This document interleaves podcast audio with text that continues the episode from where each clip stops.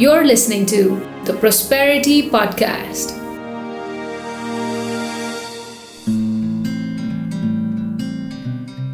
Namaste and welcome to Prosperity Podcast. I'm your host, Vidya Maharzan. Prosperity Podcast is presented to you by Samriddhi Foundation. हरेक दुई हप्ता prosperity पडकास्टमा हामी हाम्रो contemporary development इस्युजमा कुराकानी गर्छौँ र यी मुद्दाहरूलाई एउटा फरक एङ्गलबाट डाइसेक्ट गर्ने र बुझ्ने प्रयास गर्छौँ I'm really looking forward to today's conversation. Kinavane, I'm joined by two very special guests today. Mr. Dinesh Gautam from Riti Foundation, which is based in Surkhe, and Srishtika Nyopale, who is a researcher at Bikalpa and Alternative, a think tank based in Biratnagar. I've had the pleasure of meeting them virtually, of course, uh, during the course of a series of workshops that Samriddhi organized over the past few months. र आज चाहिँ मैले उहाँहरूलाई आफ्नो गेस्टको रूपमा निम्ताउने मौका पाएको छु कुरा सुरु गरौँ हाम्रो परिचयबाट नै would you like to introduce yourself thank you so much विद्याजी मेरो नाम सृष्टिका नेउपाने म चाहिँ प्रोभिन्स नम्बर वान विराटनगरबाट अनि अहिले चाहिँ म विकल्प एन्ड अल्टरनेटिभमा एज अ रिसर्चर काम गर्दैछु र आफ्नो ब्याचलर पनि सोसल वर्कमा गर्दैछु so I'm student and researcher नमस्ते म चाहिँ दिनेश गौतम मेरो घर चाहिँ सुर्खेत हो। सुर्खेत भनिसकेपछि अझ बुझ्न सजिलो चाहिँ कर्णाली प्रदेशको राजधानी भनेर हामी परिचय दिन्छौँ। अनि सुर्खेतमै बस्छु। काम पनि सुर्खेतमै गर्छु। रीति फाउन्डेसन भन्ने एउटा अर्गनाइजेसन जो हामीले केही वर्ष अगाडि स्थापना गरेका छौँ त्यसको म फाउन्डर छु। र तन्नेरी चासो भन्ने चाहिँ हाम्रो एउटा नेटवर्क छ त्यसको कर्णाली प्रदेश हेर्छु र त्यसमा म काम गर्छु। अनि अहिले चाहिँ आफू म पढ्दै पनि छु मास्टर्स पढ्दै गरेको विद्यार्थी पनि हुँ। थ्याङ्क यू दिनेश सृष्टिका तपाईँहरूको परिचयको लागि। परिचयको कुरा सुनेर नै तपाईँहरू त एकदमै धेरै कामहरूमा इन्भल्भ हुँदो रहेछ नि त। मलाई चाहिँ अब सृष्टिकालाई प्रश्न सोध्न मन लाग्यो। जस्तो सृष्टिका चाहिँ तपाईँ चाहिँ अहिले विकल्पमा एज अ रिसर्चर काम गर्दै हुनुहुन्छ। रिसर्चर काम गरिराख्दा चाहिँ मैले बुझ्न चाहेको चाहिँ तपाईँलाई नीतिगत विषयवस्तुहरूमा चाहिँ पहिल्यैदेखि इन्ट्रेस्ट थियो कि कसरी इन्ट्रेस्ट जाग्यो त्यो विषयवस्तुमा होइन? अनि मैले बुझे अनुसार चाहिँ तपाईँ अहिले प्रदेश नम्बर एकको प्रदेश सरकारले ल्याएको इन्डस्ट्रियल एन्टरप्राइज एक्ट मा चाहिँ काम गर्दै हुनुहुन्छ। यो सबै नीतिगत विषयवस्तुहरू पोलिसिजहरूमा काम गर्दै गर्दा चाहिँ तपाईँलाई के मनपर्छ हुन्छ नि? What do you enjoy about the process यसबारेमा अलिकति बताइदिनुहुन्छ मलाई। हजुर। साँच्चै अब टु बी भेरी अनेस्ट भन्दाखेरि चाहिँ म वान इयर अगाडिसम्म मलाई यो पोलिसी मेकिङमा पनि युथको हात हुन्छ है भन्ने कुरा थाहा थिएन होइन? अनि हामी पनि रेस्पोन्सिबल छौँ पोलिसी मेकिङमा भन्ने कुरा थाहा थिएन। त्यसै गरी इकोनोमिक फ्रिडमको कुराहरू अनि यो लिबरल आइडियोलोजीसँग रिलेटेड कुराहरू केही पनि थाहा थिएन होइन मलाई? म चाहिँ अब साइन्स ब्याकग्राउन्डको स्टुडेन्ट हो अनि मैले चाहिँ प्लस टू साइन्समा गरेको होइन? मेरो नलेज र मेरो स्टडीहरू चाहिँ फिजिक्स केमिस्ट्री बायोलोजीमै बेस इन्ट्रेस्ट थियो होइन। मेरो त्यति नै थियो मेरो पढाइहरू चाहिँ होइन। यो अलावा मैले अरू केहीमा त्यस्तो स्टडी गरेको थिइनँ होइन। अनि हामी चाहिँ अब I still remember my first ad Bikalpa होइन। हामीलाई चाहिँ कलेजले फिल्ड वर्क गर्नको लागि विकल्प एन्ड अल्टरनेटिभमा पठाएको थियो होइन। अनि I met Basanta Adhikari founder of Bikalpa and alternative अनि बसन्त दाईले चाहिँ ल हाम्रो यस्तो अर्गनाइजेसन चाहिँ थिङ्क ट्याङ्क हो। हामी चाहिँ यस्तो लिबरल आइडियोलोजीहरूलाई अनि इकोनोमिक फ्रिडमको कुराहरूलाई अनि त्यस्तै पब्लिक पोलिसीको कुराहरू अनि अन्टरप्रेनरसिप सँग रिलेटेड कुराहरूलाई प्रमोट गर्छौँ अनि तिमीले आफ्नो प्लेस कहाँ पाउँछौ त विकल्पमा भन्दै सोचिरहेको थियो क्या? अनि आई वाज लाइक अब त्यतिखेर चाहिँ ला के भन्ने होला के भन्ने होला जस्तो फिल भयो त मलाई अनि I was not able to utter single word पनि क्या त्यो बेला म के गरौँ भनेर। अनि बिस्तारै अब मैले विकल्पसँग एसोसिएट हुँदै होइन लिबर्टी डिस्कसनहरू एटेन्ड गर्न थालेँ अनि त्यस पछाडि समृद्धिको आर्टिकलहरू अनि विकल्पको आर्टिकलहरू भिडियोजहरू हेर्न थालेँ होइन। अनि यही क्रममा चाहिँ अनि वसन्त दाले मलाई वर्कसप रिकमेन्ड गर्नुभयो समृद्धिको होइन? अनि मैले त्यो जोइन गरिसकेपछि चाहिँ त्यसले चाहिँ मलाई एकदम इमेन्सली हेल्प गरेको छ क्या यो आइडियोलोजिजहरू बुझ्नको लागि होइन? सो आई थिङ्क मेरो यो पब्लिक पोलिसीसँग रिलेटेड जुन जर्नी छ नि यो चाहिँ समृद्धिको वर्कसपबाट नै स्टार्ट भएको जस्तो मलाई लाग्छ होइन? अनि अब रिसर्चहरूको कुरा गर्दाखेरि चाहिँ अब मलाई के मनपर्छ रिसर्चमा भन्दाखेरि चाहिँ अब लजहरू भनेको पब्लिक पोलिसी भनेको गभर्मेन्टले अब सिटिजन चिल्ड्रनको हितको लागि बनाएको भन् भनिन्छ होइन? अनि त्यो एकदम सर्फेसली पढिरहेको हुन्छौँ हामीले होइन? त्यसभित्र अरू धेरै कति इम्प्याक्ट छ भन्ने कुरा हामीले बुझिरहेको हुँदैनौँ होइन? अनि बिस्तारै त्यो एउटा कुनै पोलिसिजहरू हेर्दै जाँदाखेरि चाहिँ होइन? अझै भित्रभित्र जाँदाखेरि चाहिँ त्यस्तो कति धेरै कन्सिक्वेन्सेसहरू ल्याइरहेको हुन्छ जुन कुरालाई चाहिँ हामीले नर्मली इग्नोर गरिरहेको हुन्छौँ क्या? अनि त्यही अब मैले इन्डस्ट्रियल इन्टरप्राइजेस एक्टकै कुरा गर्दाखेरि चाहिँ होइन? अब जस्तै अब प्रोभिन्सलाई अहिले अथोरिटी दिएछ रजिस्ट्रेसनको होइन? यस्तो बाहिरबाट हेर्दाखेरि त ल अब प्रोभिन्समै रजिस्ट्रेसन हुने भयो हामीले सेन्ट्रलमा जानु परेन हामीलाई एकदम सजिलो भयो भन्ने हामी देख्छौँ होइन? त्यो रजिस्ट्रेसन प्रोसेस हेर्दाखेरि यति धेरै रिडल्ड छ नि त्यो रजिस्ट्रेसन प्रोसेस होइन? अब जस्तै त्यो स्मल एन्ड मिडल इन्टरप्राइजेसको कुरा गर्दाखेरि उनीहरूलाई चाहिँ अब लोकल लेभलमा रजिस्टर हुने अथोरिटी दिएको छ होइन? अनि यता प्राइभेट फ्री फर्म रजिस्ट्रेसन एक्टले चाहिँ के भन्छ भन्दाखेरि चाहिँ OCSI office of cottage small इन्डस्ट्रीमा गएर रजिस्टर हुनुपर्छ भनेर भन्छ होइन? अनि त्यो नर्मल मान्छे जो रजिस्टर गर्न गएको हुन्छ ऊ त एकदम ओजेलमा पर्छ नि त एकदम पजल हुन्छ नि त उसलाई कहाँ जाने के गर्ने भनेर अनि त्यतिखेरि अब मिडल मेनहरू आएर ब्राइडको करप्सनको कुराहरू हुन्छ नि होइन? सो मलाई चाहिँ के रिसर्चर हुनुमा के त्यही राम्रो लाग्छ कि अब जस्तै अब कुनै कुरा जुन मान्छे चाहिँ नर्मली इग्नोर गरिरहेको हुन्छ देखिरहेको हुँदैन त्यो कुरा चाहिँ हामीले राम्रोसँग बुझ्न सकिरहेको हुन्छौँ र हाम्रो रिसर्चबाट अरूलाई पनि बुझाउन सकिरहेको हुन्छौँ। अनि पोलिसी मेकरहरूलाई पनि ल तपाईँको पोलिसीमा यस्तो यस्तो लुपोल्सहरू छ है भनेर त्यो कुरालाई कम्प्रिहेन्ड गर्नलाई हामीले गरेर हुन्छौँ होइन। अनि त्यस्तै गरी हामीले चाहिँ अब यस्तो यस्तो चेन्जेसहरू ल्याउनु पर्छ भनेर चाहिँ उहाँले एउटा सजेसन फिडब्याकहरू दिइरहेको हुन्छौँ होइन। अनि एउटा रिसर्चर भनेको चाहिँ नेभर इन्डिङ लर्निङ प्रोसेस जस्तै लाग्छ क्या मलाई चाहिँ। म डेली अफिस आउँछु होइन मैले केही नयाँ कुरा सिकिरहेको हुन्छु होइन। अब आज एउटा कुरा एउटा कुरा खोज्दै जाँदाखेरि क्वेसन मार्क हुन्छ दिमागमा भोलि त्यसको एन्सर खोज्दै जाँदाखेरि होइन अझै धेरै क्वेसन मार्कहरू भइरहेको हुन्छ क्या दिमागमा। अनि त्यो फुल स्टप लाउनलाई नै दुई तिन दिन लाग्छ होइन? कतिखेर त्यो स्टक पनि हुन्छ होइन? अनि स्टक हुन्छ होइन? अनि त्यस पछाडि चाहिँ हामीले अब त्यो चाहिँ एकदम फ्रस्ट्रेटिङ पनि हो तर होइन? च्यालेन्जिङ पनि हो तर त्यसैमा मजा छ क्या रिसर्चहरूको त्यसबाट हामीले केही फाइनेन्सियली पनि कमाइरहेको हुन्छौँ क्या। आफैलाई नलेज दिँदै आफै कमाएर हुन्छौँ क्या। अनि सो इन अ सेन्स के पनि भन्न मिल्छ भन्दाखेरि चाहिँ I am learning and I am also earning from that learning भन्न मिल्छ क्या? सो मलाई चाहिँ त्यही मनपर्छ रिसर्चहरूको बारेमा चाहिँ। हजुर यति नै हो अहिले चाहिँ। Thank you thank you Srishtika कति राम्रो आन्सर भयो लर्निङ बाई अर्निङ प्लस तिमीले भनेको थियो जुन त्यो क्वेसन मार्कमा अड्किन्छ दुई तिन दिनसम्म कति फ्रस्ट्रेटिङ हुन्छ भनेर। आई अन्डरस्ट्यान्ड द्याट त्यसपछि म दिनेशजीतर्फ गएँ है। त दिनेशजी पनि मलाई थाहा भएसम्म एकदमै धेरै लेख्नु पढ्नुहुन्छ। तपाईँले आफ्नो सुर्खेतमा नै पब्लिस हुने न्युज पेपरमा पनि कलमहरू पब्लिस गरिराख्नु भएको हुन्छ। त्यस्तै गरी लिएर कर्णालीको प्रदेश सरकार र त्यहीँ भएको नगरपालिका र रुरल म्युनिसिपालिटीहरूले गरेको नीतिहरू पनि तपाईँहरूले पढेर त्यसको विषयमा चाहिँ धेरै अध्ययन गर्नुभएको छ मलाई थाहा छ। मलाई तपाईँबाट जान्न चाहेको चाहिँ कताबाट सुरु गर्नुभयो कि तपाईँले लेख्नको लागि? हुन्छ नि यस विषयमा अझै पढ्न लेख्न कताबाट सुरु गर्नुभयो?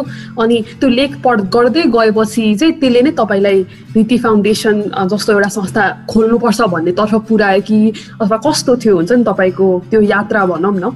मैले चाहिँ मेरो सार्वजनिक जिन्दगी भनौँ न त्यो अलिकति अलि धेरै मान्छेले चिन्ने जिन्दगी चाहिँ मेरो चौध वर्षमा सुरु भएको हो। जति बेला म कक्षा एघारमा पढ्थेँ त्यो बेला मैले चाहिँ आफै रिक्वेस्ट गरेर एउटा यहाँको लोकल रेडियोमा म प्रोग्राम चलाउँछु भने किनकि मलाई बोल्न सिक्नु थियो। मैले आफूले रिक्वेस्ट गरेर उहाँहरूले मलाई जागिर सागिर होइन कि जस्ट मैले आफूले रिक्वेस्ट गरेर अनि रेडियो प्रोग्राम सुरु गरेँ। त्यसपछि रेडियो प्रोग्राम चलाउँदै गर्दाखेरि पन्ध्र वर्षको उमेरमा मैले पहिलो पटक यहीँको एउटा सुर्खेत पत्र भन्ने दैनिकमा चाहिँ आर्टिकल लेखाएको थिएँ तर त्यो एकदम फन्ने आर्टिकल लेखाएको थिएँ। यो भैरव बर्यालको एउटा निबन्धमा आधारित भएर होइन? त्यो बेला त्यो मेरो फर्स्ट एन्ड लास्ट फन्ने आर्टिकलै भयो होइन? त्यो त्यसपछि त्यस्तो खालको फन्ने केही लेखिएन। त्यसपछि चाहिँ आर्टिकल मैले रेगुलर अहिलेसम्म लौ लौ मैले पाँच सयभन्दा बढी आर्टिकल लेखिसकेँ। दस वर्षै हुन लाग्यो। मैले नर्मली एउटै पत्रिका प्रयोग गरेँ लेख्ने क्रममा चाहिँ यहाँको पत्रिका साझा बिसाउने दैनिक भन्ने। त्यसमा लेख्ने क्रममा सुरु सुरुमा मैले चाहिँ अलिकति त्यो इस्युहरू बढी लेख्थेँ जस्तो भन्छौँ नि हामी हिंसाको कुरा होइन? अनि सोसल इस्युहरू अनि बिस्तारै म त्यो सोसल इस्यु सँगसँगै म चाहिँ पब्लिक पोलिसीको पार्टमा होइन? अब समस्या यो छन् भन्ने पर लेख्थेँ पहिला भने अहिले चाहिँ होइन। समस्या त छन् तर त्यसको अल्टरनेटिभ सोल्युसन यो हुनसक्छ भन्नेमा मेरो त्यो त्यो प्याटर्न चेन्ज भयो होइन? राइटिङको अनि अहिले स्टिल मैले अहिले पनि लेखिरहेको छु होइन? दसैँ वर्ष हुन लाग्यो। लेख्नेको कुरा त्यो हो तर अब यो यो रीति फाउन्डेसन अनि अझ रीति फाउन्डेसन सँगसँगै हामीले तनेरी चासो चाहिँ बिर्सिनु हुँदैन। त्यो जसले चाहिँ मलाई यो यो प्लेटफर्मको लागि पनि एकदम धेरै कुराहरू सिकेको छु अहिले जे गरिरहेको छु। म सत्र वर्षको हुँदाखेरि मैले एउटा त्यही तन्नेरीहरूकै एउटा इभेन्टमा पार्टिसिपेट हुने मौका पाएको थिएँ जहाँ चाहिँ डिबेट र डिस्कोर्सको इम्पोर्टेन्स के हुन्छ भनेर सिकाइएको थियो। त्यसपछि त्यस लगतै म चाहिँ म ब्याचलर पढ्थेँ त्यति बेला ब्याचलर जोइन भएँ। ब्याचलर जोइन भएपछि मैले त्यहाँ म सुर्खेत मोडल कलेज भन्ने कलेजमा पढेँ। त्यहाँ चाहिँ मैले होइन हामी चाहिँ अलिकति लिडरसिप को अनि लिडरसिप डेभलपमेन्ट पार्टमा पनि प्राइभेट कलेजमा हामी पछाडि छौँ। जस्तो गभर्मेन्ट क्याम्पसहरूमा चाहिँ स्टुडेन्ट युनियनहरू हुन्छन् पोलिटिकल युनियनहरू हुन्छन् होइन उनीहरूले काम गर्छन्। अब प्राइभेट कलेजमा हामी पोलिटिकल युनियन पो बनाउन पाइएन तर हाम्रै स्टुडेन्ट युनियन किन नबनाउने जसले चाहिँ लिडरसिप स्किल डेभलप हुन्छ भनेर मेरै नेतृत्वमा हामीले त्यहाँ एउटा काउन्सिल भनेर एसएमसी स्टुडेन्ट काउन्सिल भनेर सुरु गऱ्यौँ होइन? अब त्यसपछि म त्यहाँबाट फोर इयर पढिसकेपछि अरूले त्यो चलाइराख्नु भएको छ कि त्यहाँबाट मलाई त्यो लिडरसिप डेभलपमेन्टमा हेल्प भएको थियो। त्यस लगतै हो मलाई लाग्छ दुई हजार सत्रको लास्ट लास्टतिर हो समृद्धि फाउन्डेसनले चाहिँ धुली खेलमा लिप भन्ने थियो लिडिङ फर प्रोस्पेरिटी भन्ने ट्रेनिङ आयोजना गरेको थियो। त्यसमा चाहिँ हामी देशभरका लगभग लगभग चौबिस पच्चिसजना युवाहरू सहभागी थियौँ जो चाहिँ आफूलाई भविष्यमा केही बनाउने सोचिरहेछौँ। होइन आफूले एकदम त्यसरी त्यो त्यो ट्रेनिङमा भाग लिएको त्यो माइल स्टोन हो मेरो करियरको लागि भन्ने लाग्छ। मलाई त्यो ट्रेनिङ चाहिँ। अझ त्योभन्दा पनि त्यो हामी एउटा हिँड्दै गर्दाखेरि हिँड्नेर बाटो बाटो मोडिन्छ भन्छौँ नि। होइन एउटा एउटा ट्र्याकमा हिँडिरहेको थिएँ तर त्यो ठ्याक्कै अनि बाटो मोडियो भनौँ न होइन ठ्याक्कै भन्दाखेरि चाहिँ। त्यहाँबाट त्यो ट्रेनिङले मलाई एकदम हेल्पफुल हेल्पफुल भयो त्यो ट्रेनिङ। त्यहाँ चाहिँ एकदम फ्रिली सिक्न पाइयो अनि पब्लिक पोलिसीको भन्ने कुरा पनि मैले त्यही सुनेको हो होइन पहिलोचोटि त्यति धेरै। डिबेट डिस्कोर्स भनेर अलिअलि पहिला चाहिँ हुन्थ्यो तर पब्लिक पोलिसीको पार्टमा अझ त्यसमा पनि मोर इकोनोमिक पब्लिक पोलिसी होइन त्यो विषयमा चाहिँ त्यहाँ गफ भयो। अब म वर्कसपबाट रिटर्न भइसकेपछि कर्णालीमा केही न केही गर्नुपर्छ भन्ने लागेकै थियो होइन प्रयास गरियो। त्यसपछि हामी तन्नेरी नेटवर्कमा अलरेडी छँदै थियौँ। लगत्तै हामीले चाहिँ होइन तन्नेरी नेटवर्क चाहिँ हाम्रो यो युथ फर एकाउन्टेबिलिटी होइन हामी त्यो त्यो थिममा बढी काम गर्छौँ। तर इकोनोमिक पब्लिक पोलिसीको लागि हामी एउटा अर्गनाइजेसनै बनाएर जानुपर्छ भन्ने फिल भयो। त्यसपछि मैले म जस्तै मन मिल्ने मान्छेहरू सँग गफ गरेँ उहाँहरू एग्री हुनुभयो। त्यसपछि हामीले अफिसियल्ली रिति फाउन्डेसन सुरु गऱ्यौँ। त्यसलाई दर्ता गऱ्यौँ र अहिले हामी रिति फाउन्डेसन थ्रु पनि धेरै कामहरू गरिरहेका छौँ। त्यो त्यो चेन्जमा चाहिँ त्यसरी भयो। अनि मलाई यो यो अहिले गरिरहेको कामहरूसँग गर्दाखेरि चाहिँ अब हामी मूलत हामी इकोनोमिक पब्लिक पोलिसीकै क्षेत्रमा हो रीति फाउन्डेसनले काम गर्ने होइन? मैले लास्ट इयर एउटा डाटासँग आफ्नो कामलाई कम्पेयर गरेँ कि हामी चाहिँ कर्णालीमा सत्र लाख जनसङ्ख्या छ होइन? सबैभन्दा कम जनसङ्ख्या भएको प्रदेशै हो। तर हामी भौगोलिक रूपमा चाहिँ नेपालको सबैभन्दा धेरै क्षेत्रफल भएको ठाउँ हाम्रो भूगोल ठुलो छ हामीसँग पपुलेसन कम छ। हाम्रो चाहिँ रिसोर्स धेरै छ तर हाम्रो पोभर्टी पनि सबभन्दा धेरै छ फेरि होइन? त्यो भइसकेपछि अनि टोटल पपुलेसनको फिफ्टी एट पर्सेन्ट मान्छेहरू चाहिँ इकोनोमिक एक्टिभिटीमा संलग्न छैन। त्यो सत्र लाख जनसङ्ख्या मध्ये होइन एक तिहाई जनसङ्ख्या चाहिँ काहीँ न काहीँ रोजगारको लागि बाहिर जान्छ। धेरै जसो भारत जान्छ त्यसबाहेक अरू केही मान्छेहरू बाहिर जान्छन्। भनेपछि स्रोत साधन हुँदाहुँदै पनि हामी पछाडि परेको छौँ र त्यसको मेजर कारण चाहिँ मैले आफ्नो अनुभवले आफूले गरेको कामहरूबाट के बुझेँ भने त्यो मान्छेहरूलाई चाहिँ इकोनोमिक एक्टिभिटीमा इन्भल्भ गरिएको छैन। इन्भल्भ गर्ने वातावरण बनाइएको छैन। त्यो कारणले मान्छेहरू चाहिँ माइग्रेसन पनि छ त्यो जुन प्रोस्पेरिटी हामी कल्पना गर्थ्यौँ नि संविधान बहत्तरमा संविधान आइसकेपछि त्यो चाहिँ आउन सकेको छैन। हामी त बहत्तर पछि अहिले पाँच वर्ष त बिताइसक्यौँ तर छुट्टै आमूल परिवर्तन त केही भएन नि त। त्यो मान्छेहरूको आर्थिक गतिविधिमा संलग्नै नभएर हो भन्ने लायो। त्यसपछि हामीले चाहिँ अब होइन यसको लागि चाहिँ के गर्ने भन्ने कुरामा आर्थिक गतिविधि हाम्रो तर्फबाट इफोर्ट त गर्नु पर्यो है। हामी जस्ता युवाहरूले नै गर्ने हो भनिसकेपछि हाम्रो तर्फबाट इफोर्ट गर्न तन्नेरी चाँसो सुर्खेतलाई पनि त्यो प्लेटफर्मको रूपमा युज गर्छौँ अनि रीति फाउन्डेसनलाई पनि युज गर्छौँ। लकडाउन हुनुभन्दा अलिकति एक हप्ता अगाडि हामीले एउटा फेस्टिभल नै गऱ्यौँ यहाँ। त्यो चाहिँ कस्तो फेस्टिभल भने डाइलग फेस्टिभल भनौँ न एक किसिम कोलिकोम जस्तै हो।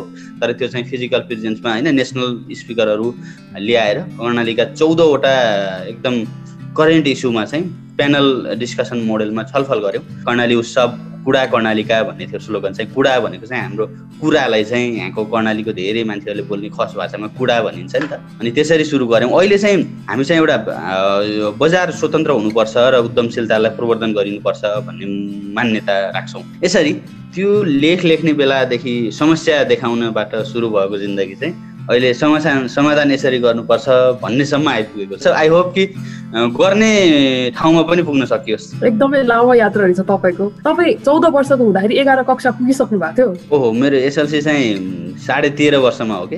अनि भएर त्यो बेला तनाव हुन्थ्यो होइन? साढे तेह्र वर्षमा एसएलसी हो त्यो बेला चौध वर्ष भएसम्म नमिल्ने भएर। अनि एकदम धेरै रिजल्ट पनि मैले त धेरै डकुमेन्ट मिलाउनु पर्यो एकदम ढिलो आएको थियो है कि? अति चाँडो भयो नि त्यो त है। चौध वर्षमा तपाईँ एघार क्लास पुगिसक्नु भयो त एकदमै हो। ठिक। मैले चाहिँ अब सृष्टिकाबाट सोध्न चाहेँ। सृष्टिका अब तिमी पनि एकदमै यङ नै छौ है। अहिले भर्खर अघि भर्खर भन्यो तिमीले अहिले चाहिँ सेकेन्ड इयरमा छौ भनेर तिमी अनि विकल्पमा पनि एक वर्ष जस्तो काम भइसकेको काम गर्न थालिसकेको रहेछ।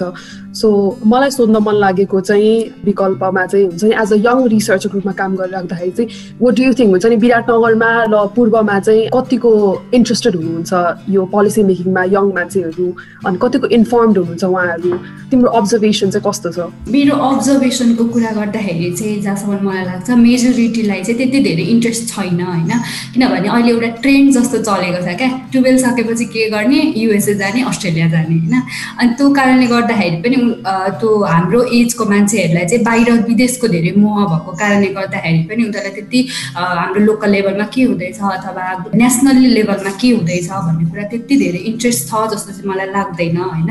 अनि अ फ्यु पिपल जसलाई चाहिँ इन्ट्रेस्ट छ उनीहरू पनि पोलिसी मेकिङ प्रोसेसहरूमा होइन? त्यस्तोमा एक्टिभ पार्टिसिपेसन देखाउनु भन्दा पनि त्यो पोलिसीको अब केही नराम्रो कन्सिक्वेन्सेस आउँछ नि जब अनि मात्र आफ्नो आवाज उठाउनेहरू चाहिँ धेरै छन् जस्तो मलाई लाग्छ होइन?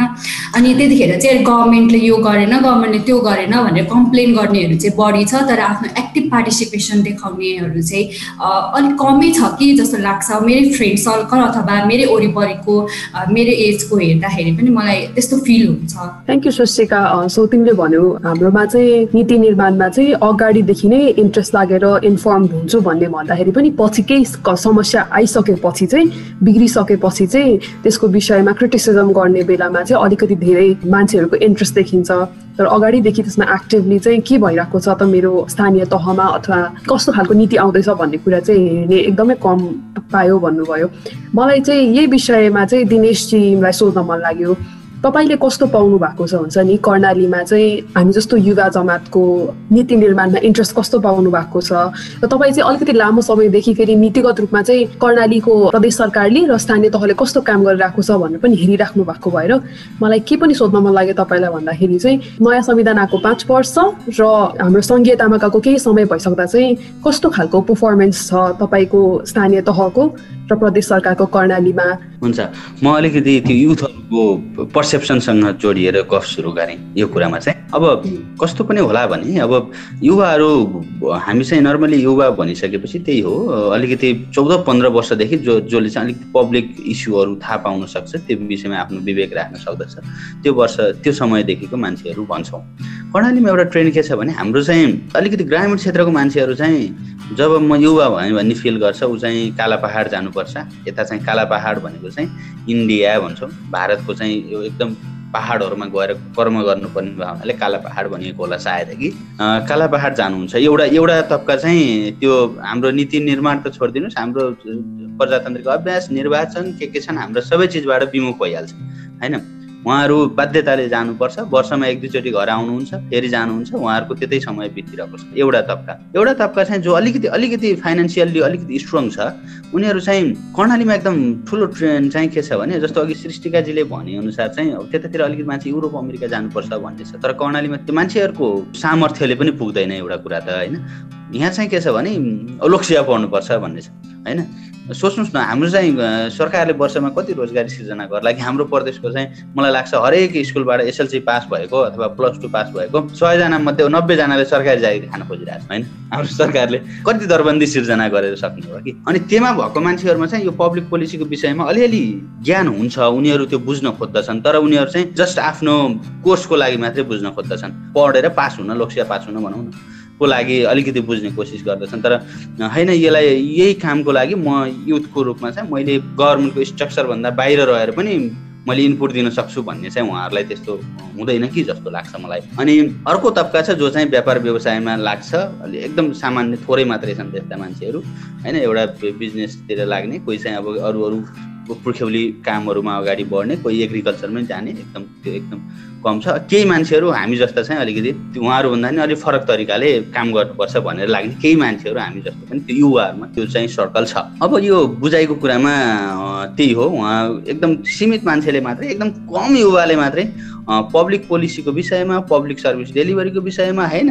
अनि हाम्रो हाम्रो भनौँ न शासकीय प्रवृत्ति शासकीय अभ्यास त्योमा रुचि राख्छ। हाम्रो मन्त्रीहरूको हुनुहुन्छदेखि लिएर आज सरकारले के निर्णय गरेदेखि लिएर हाम्रो घरको बाटोको अगाडिको बाटो किन पिच भएनसम्म मान्छे ध्यान दिने एकदम कम युवाहरू हुनुहुन्छ।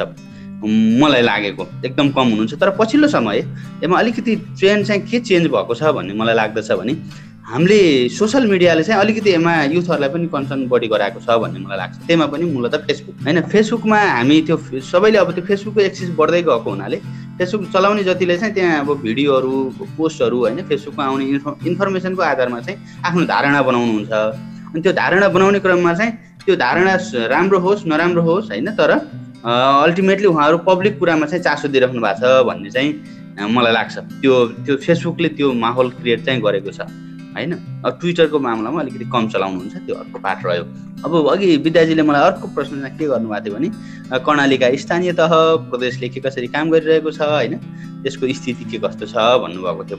कर्णाली प्रदेशमा सेभेन्टी नाइन लोकल लेभल छ होइन? हामी चार हजार जति जनप्रतिनिधि छौँ सात सय जति वडा छ हाम्रोमा कर्णाली प्रदेशमा। अनि स्थानीय तह पनि एकदम थोरै नै भएको अनि हाम्रोमा दसवटा जिल्ला छ। दसवटा जिल्ला भनेको चौबिसवटा निर्वाचन प्रदेश निर्वाचन क्षेत्र छ बाह्रवटा सङ्घीय निर्वाचन क्षेत्र छ। हाम्रो प्रदेश सभामा चालिसजना प्रदेश सभा सदस्य हुनुहुन्छ जनप्रतिनिधिज्यूहरू उनासीजना अध्यक्ष उनासीजना उपाध्यक्ष उपमेयर हुनुहुन्छ होइन अनि वडा अध्यक्षहरू हुनुहुन्छ। भनेको एउटा ठुलो सर्कल चाहिँ अहिले शासन गर्ने ठाउँमा पुगेको छ। र मैले रिसेन्टली अस्ति भर्खरै एउटा डाटा हेरेको थिएँ कि हाम्रो नेपालभरिको जनप्रतिनिधि मध्ये चाहिँ चालिस पर्सेन्ट युवा हुनुहुन्छ। भनेको हामी जुन एजेन्डामा गफ गर्न खोज्दैछौँ युवाहरूले जुन एजेन्डालाई इस्टाब्लिस गर्न खोज्दैछ होइन? त्यसलाई जुन कुरालाई प्रवर्धन गर्न खोज्दैछ त्यही जेनेरेसनको त्यही इमोसन बोक्ने मान्छेहरू आज चाहिँ त्यो पुरा गर्ने निकायमा पुगिसक्नु भएको छ होइन? आज पच्चिस छब्बिस वर्षको मान्छे मेयर उपमेयर उपमेयर हुनुहुन्छ होइन? वडा अध्यक्षहरू त सानो उमेरको कति हुनुहुन्छ हुनुहुन्छ भनेपछि त्यो ठाउँमा पुग्नु भएको छ त्यो कर्णालीमा पनि केही ठाउँमा त्यसरी पुग्नु भएको छ। त्यो चाहिँ एकदम राम्रो पक्ष हो मलाई यो भन्ने लाग्छ। चालिस पर्सेन्ट युवा हुनु भनेको चाहिँ यदि गर्न सकिएको भए चाहिँ एकदम यो क्रान्तिकारी छलाङ भन्छ नि यता यो टर्म हुन्छ नि होइन? त्यस्तो खालको काम गर्न सकिने यो मौका पनि थियो। अर्को चुनावमा त्यो होला नहोला कि किनभने अर्को चुनावमा उहाँहरू फेरि उठ्नुहुन्छ त्यस बेलासम्म उहाँहरू अलि उमेर गइसक्छ है? यस्तो हुन्छ होला। अनि अर्को स्थानीय तहको कामहरूमा अब पूर्वाधार विकासको विषयमा तपाईँहरूले पनि आफ्नो ठाउँतिर अलिकति फिल गर्नुभयो भने मलाई लागेको।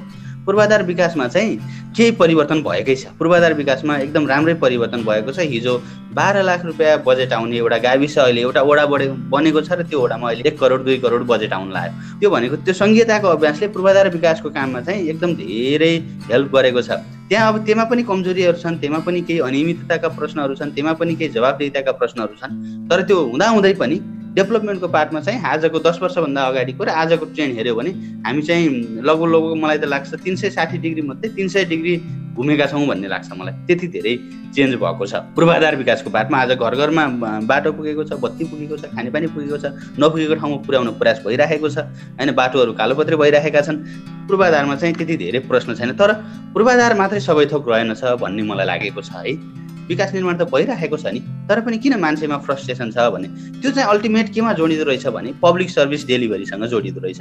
हाम्रो स्थानीय तह हाम्रो प्रदेश जसका अनि उनीहरूका कार्यालयहरू अनि उनीहरूका सेवा प्रदान गर्ने निकायहरू भनौँ न शिक्षा स्वास्थ्यतिरका होइन?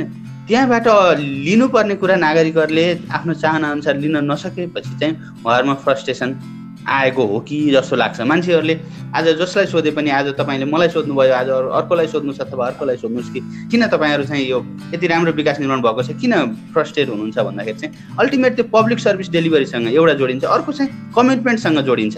हाम्रो प्रतिनिधिहरूले चाहिँ हाम्रो स्थानीय तहको प्रमुख उपप्रमुखले प्रदेश सांसदहरूले मन्त्रीहरूले जुन कमिटमेन्ट गरेर जुन कसम खाएर भन्छौँ नि हामी कसम खाएको हो नि त उहाँले कसम खाएर चुनावमा जितेर आउनुभएको त्यो लाइनमा उहाँहरू जानु भएन। उहाँहरू कता हराउनु भयो हराउनु भयो त्यो भइसकेपछि नागरिकहरूमा होइन यस्तो भन्ने बेला चाहिँ यस्तो भन्ने हामीले भोट दिने।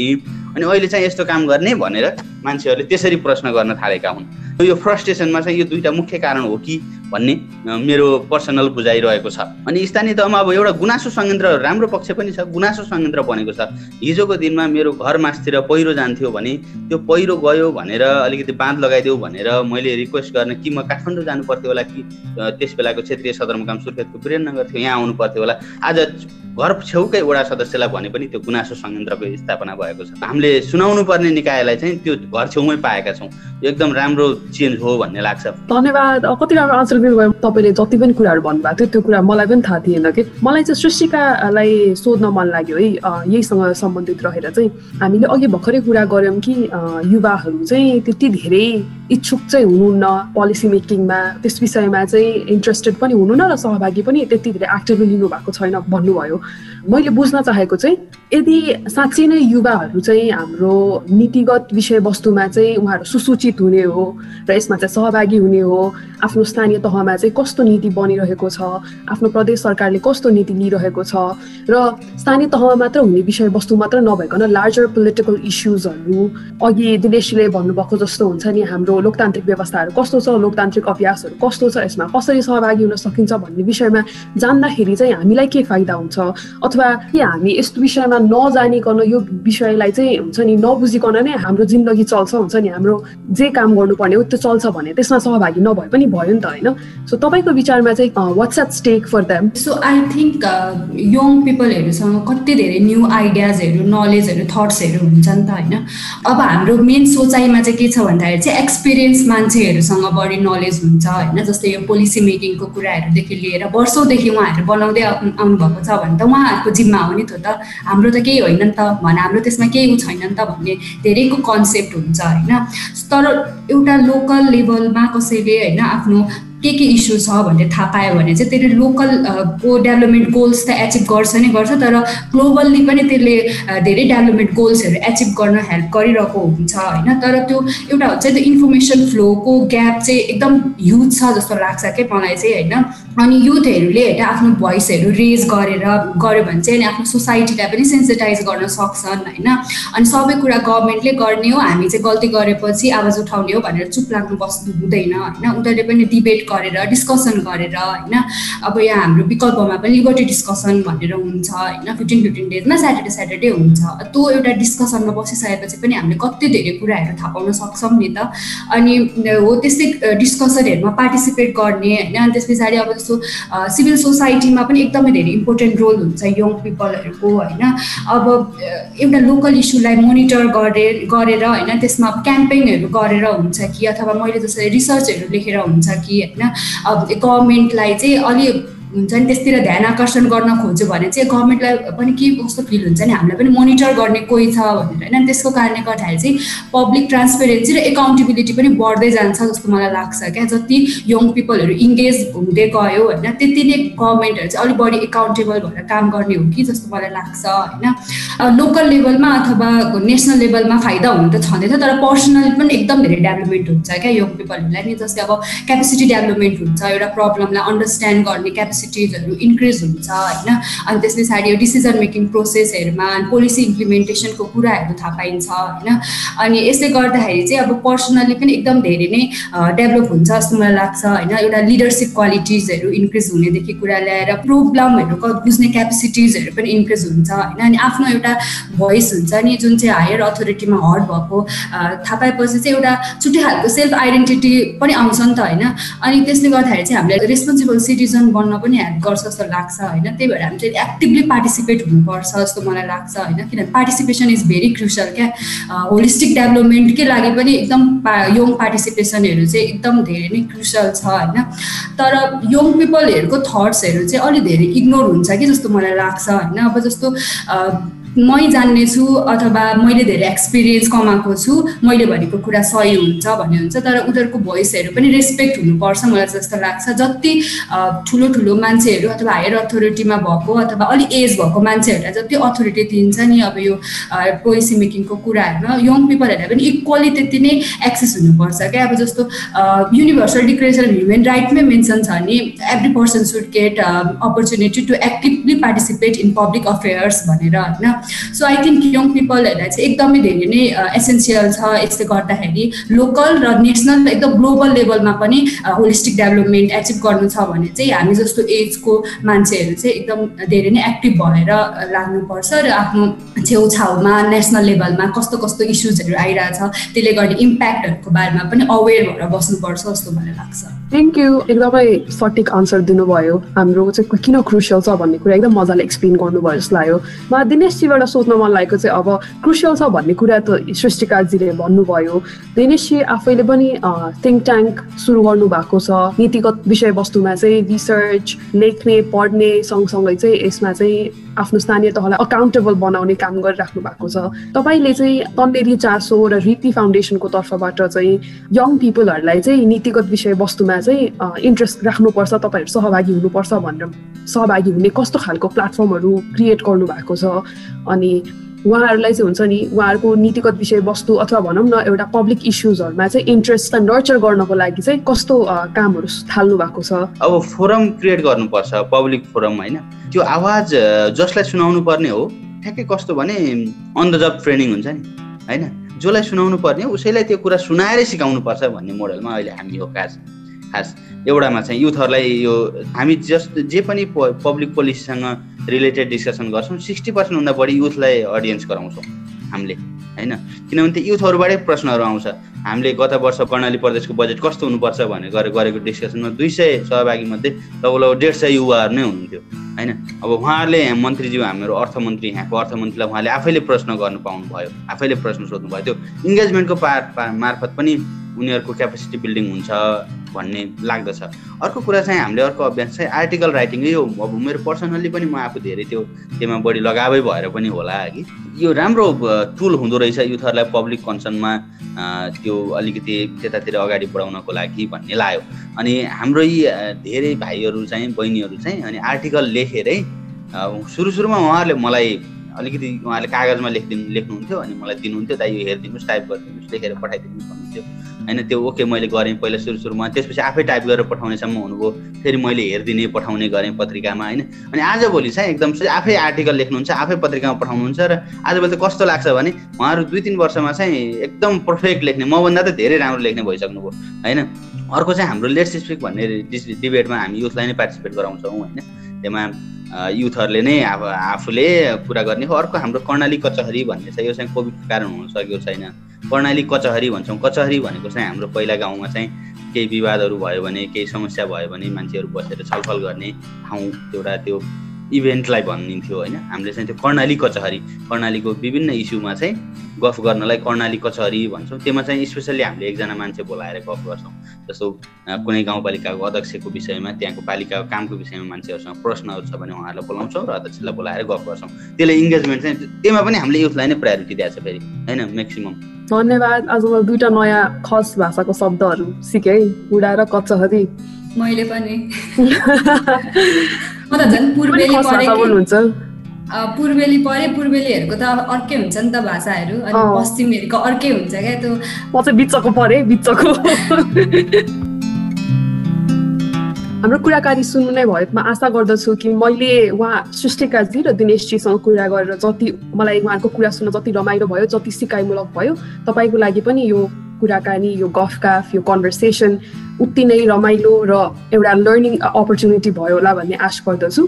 Thank you for listening to this episode of prosperity podcast this podcast is presented to you by Samriddhi Foundation तपाईँलाई हाम्रो पडकास्टको बारेमा अझै धेरै जान्न मन छ र समृद्धि फाउन्डेसनको बारेमा जान्न मन छ अथवा हाम्रो आजको गेस्टहरू सृष्टिकाजी र दिनेशजी आबद्ध हुनुभएको संस्थाहरू रीति फाउन्डेसन र विकल्प एन्ड अल्टरनेटिभको बारेमा जान्न मन छ भने हाम्रो डिस्क्रिप्सन सेक्सन चेक गर्नुहोला।